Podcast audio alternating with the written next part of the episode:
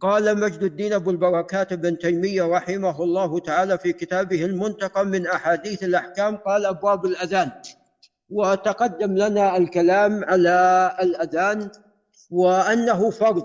الأذان واجب. هذا باتفاق أهل العلم. الأذان واجب. ولكن هل هو فرض كفاية أو هو فرض عين؟ هذا محل خلاف بين أهل العلم.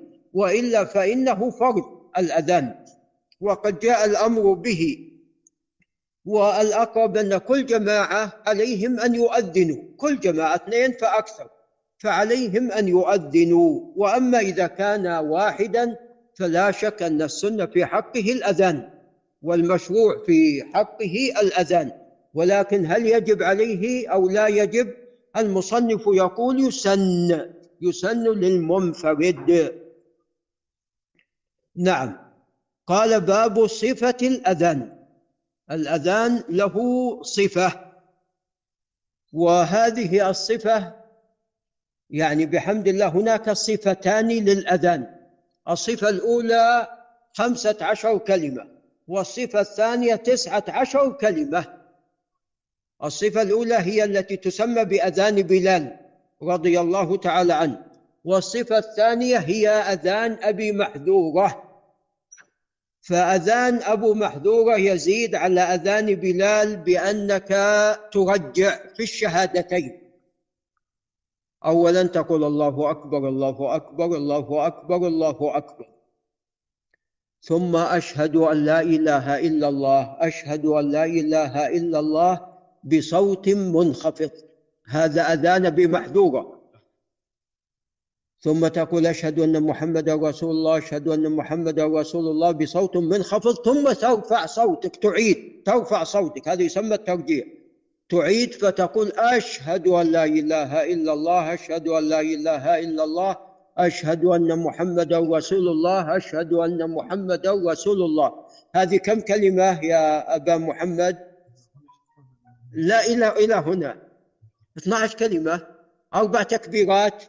وأربع تشهدات بصوت منخفض وأربع تشهدات بصوت مرتفع فيكون المجموع 12 ثم حي على الصلاة حي على الصلاة هذه عشر. حي على الفلاح حي على الفلاح هذه 12 الله أكبر الله أكبر.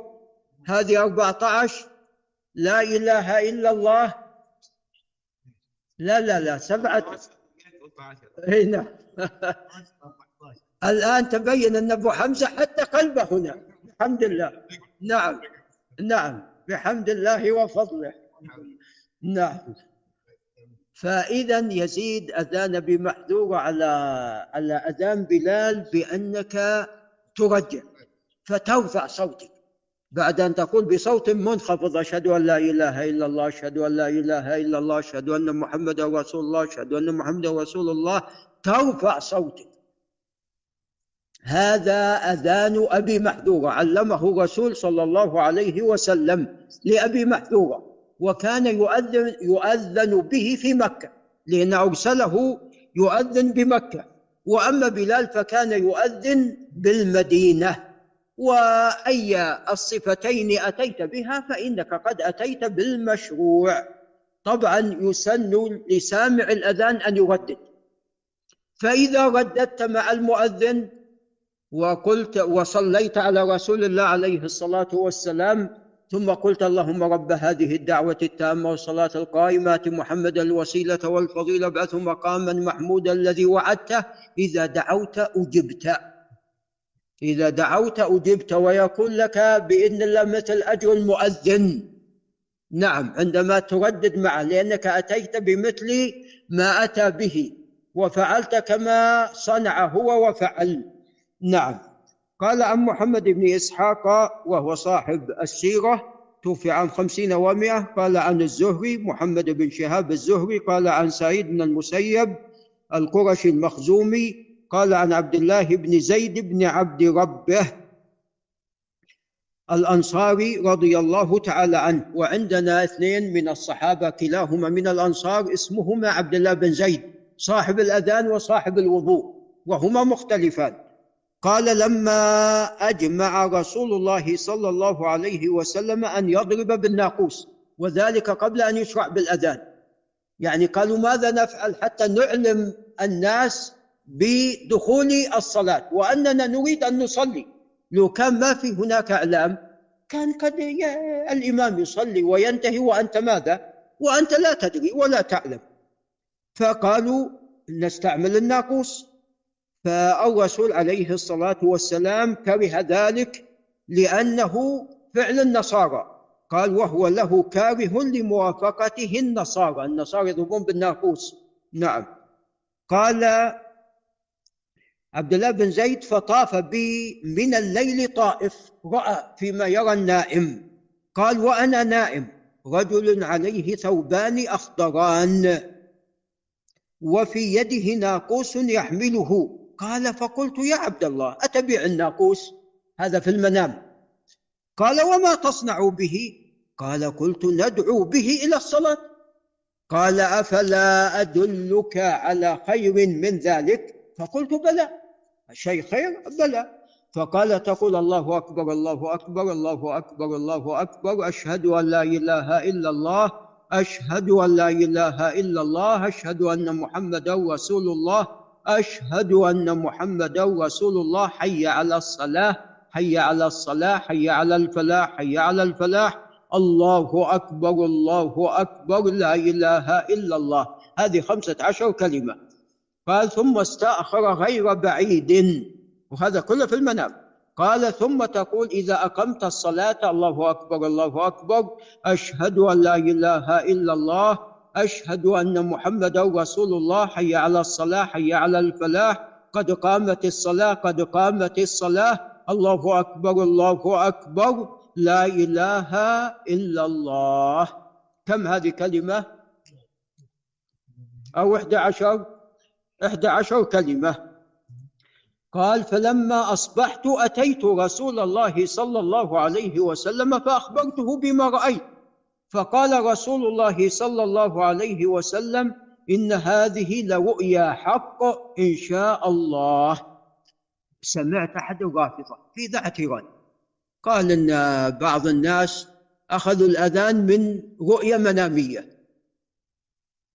فيقال لهذا يقال لهذا الضال وغير المنصف الرسول عليه الصلاة والسلام أقر عبد الله بن زيد ولا ما أقره؟ أقره فخلاص فأصبح تشريع. والله جل وعلا أقر رسوله عليه الصلاة والسلام فأصبح دينا وشرعا. نعم.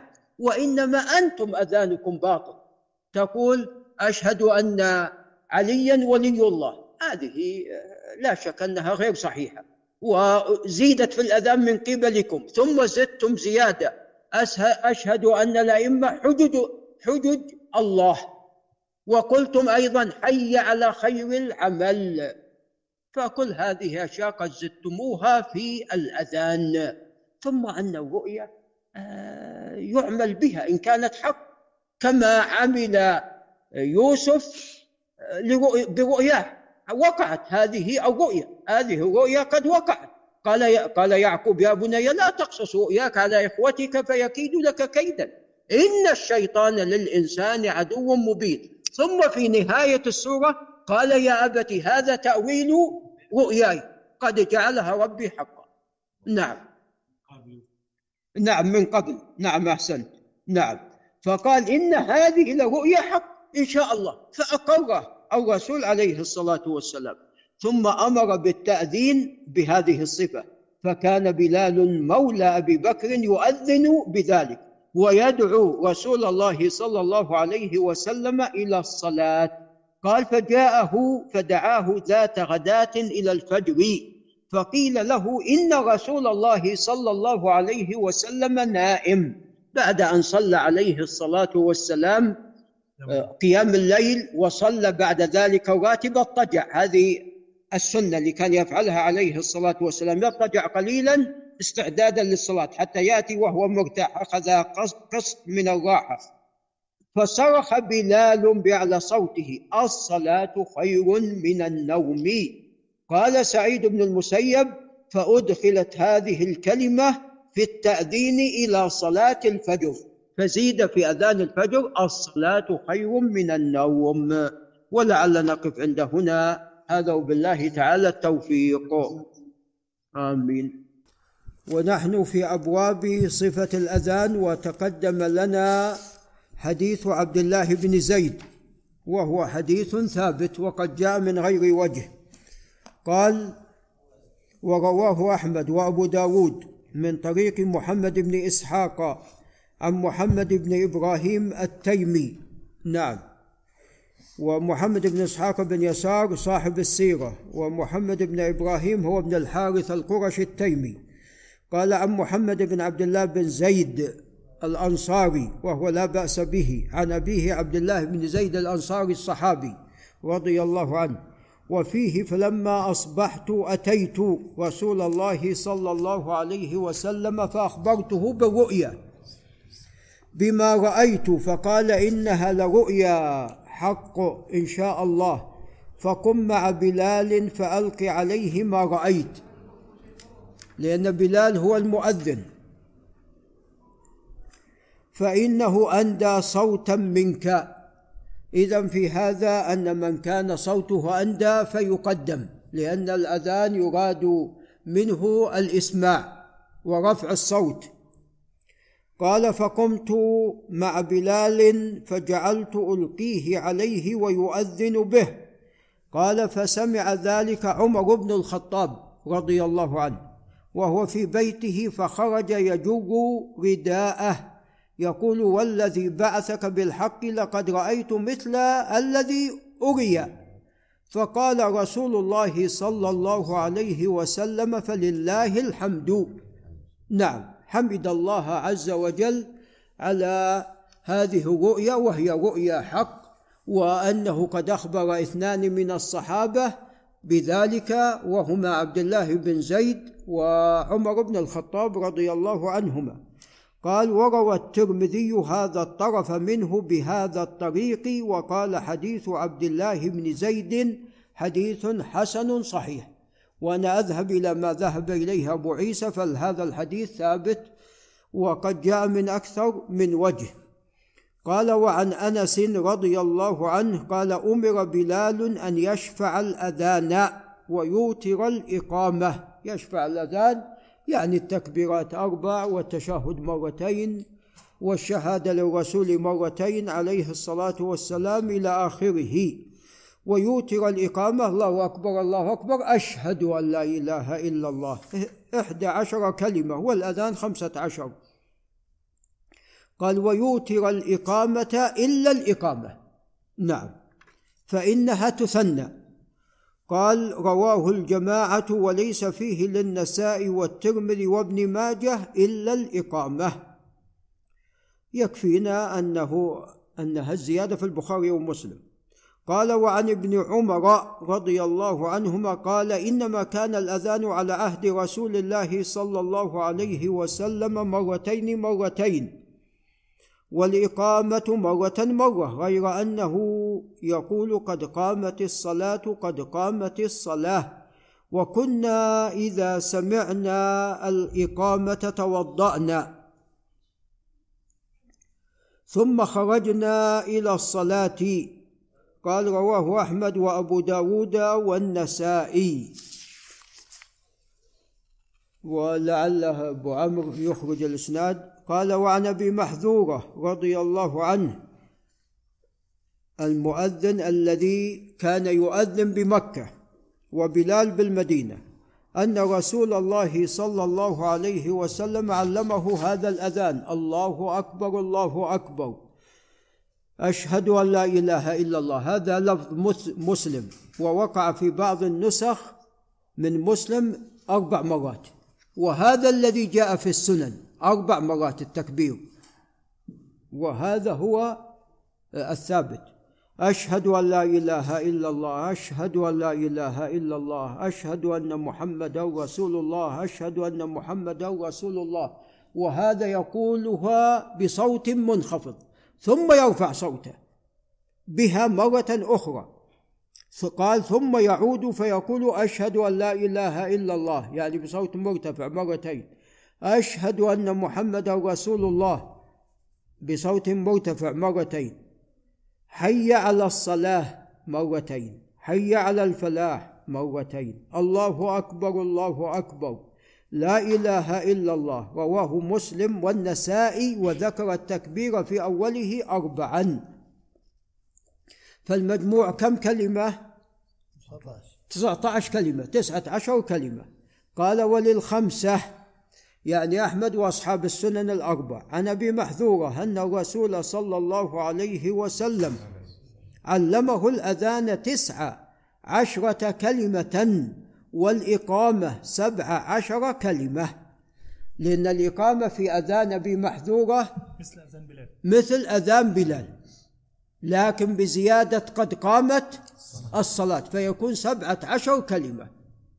بدون قد قامت الصلاة خمسة عشر. لعل الشيخ سعيد ينتبه. بدون الإقامة خمسة عشر كلمة أذان بلال. إقامة صفة إقامة بمحذورة سبعة عشر كلمة مثل أذان بلال بزيادة قد قامت الصلاة مرتين. يكرر حي على الصلاة حي على الصلاة حي على الفلاح حي على الفلاح إي إي نعم. الله الإقامة إقامة بمحذور الله أكبر الله أكبر الله أكبر الله أكبر. أشهد أن لا إله إلا الله أشهد أن لا إله إلا الله. أشهد أن محمدا رسول الله أشهد أن محمدا رسول الله. حي على الصلاة حي على الصلاة حي على الفلاح حي على الفلاح. قد قامت الصلاة قد قامت الصلاة. الله أكبر الله أكبر. لا إله إلا الله. سبعة عشر كلمة. وأذان الفجر عدد الكلمات في صفة أذان أبي محذورة كم؟ لا واحد وعشرين. واحد وعشرين. نعم بزيادة الصلاة خير من النوم. الصلاة خير من النوم. حي على خير العمل. كما تعلم هذا عند الزيدية. ما ما فيه في الأذان الذي ثبت. إي في في في صنعاء زيد.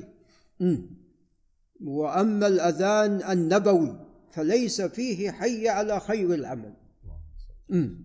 عليه الصلاة والسلام. نعم. ف... ثم هم زادوا. الاثني عشرية الرافضة غير الزيدية زادوا. أشهد أن عليا ولي الله. ثم زادوا. أشهد أن الأئمة حجج الله. نعم. وما عندهم مانع. يزيدون نعوذ بالله. قال فإن كان صلاة الصبح قلت قلت الصلاة خير من النوم الصلاة خير من النوم. الله أكبر الله أكبر لا إله إلا الله. رواه أحمد وأبو داود. اي نعم صحيح صحيح. حديث بمحذورة قد خرجه الإمام مسلم. الصلاة خير من النوم بارك الله فيك ثابتة. ويراجع الآن نراجع هذه اللفظة. مسند أبو داود أحسن عليك. والنسائي وأحمد كله رواه من طريق شعبة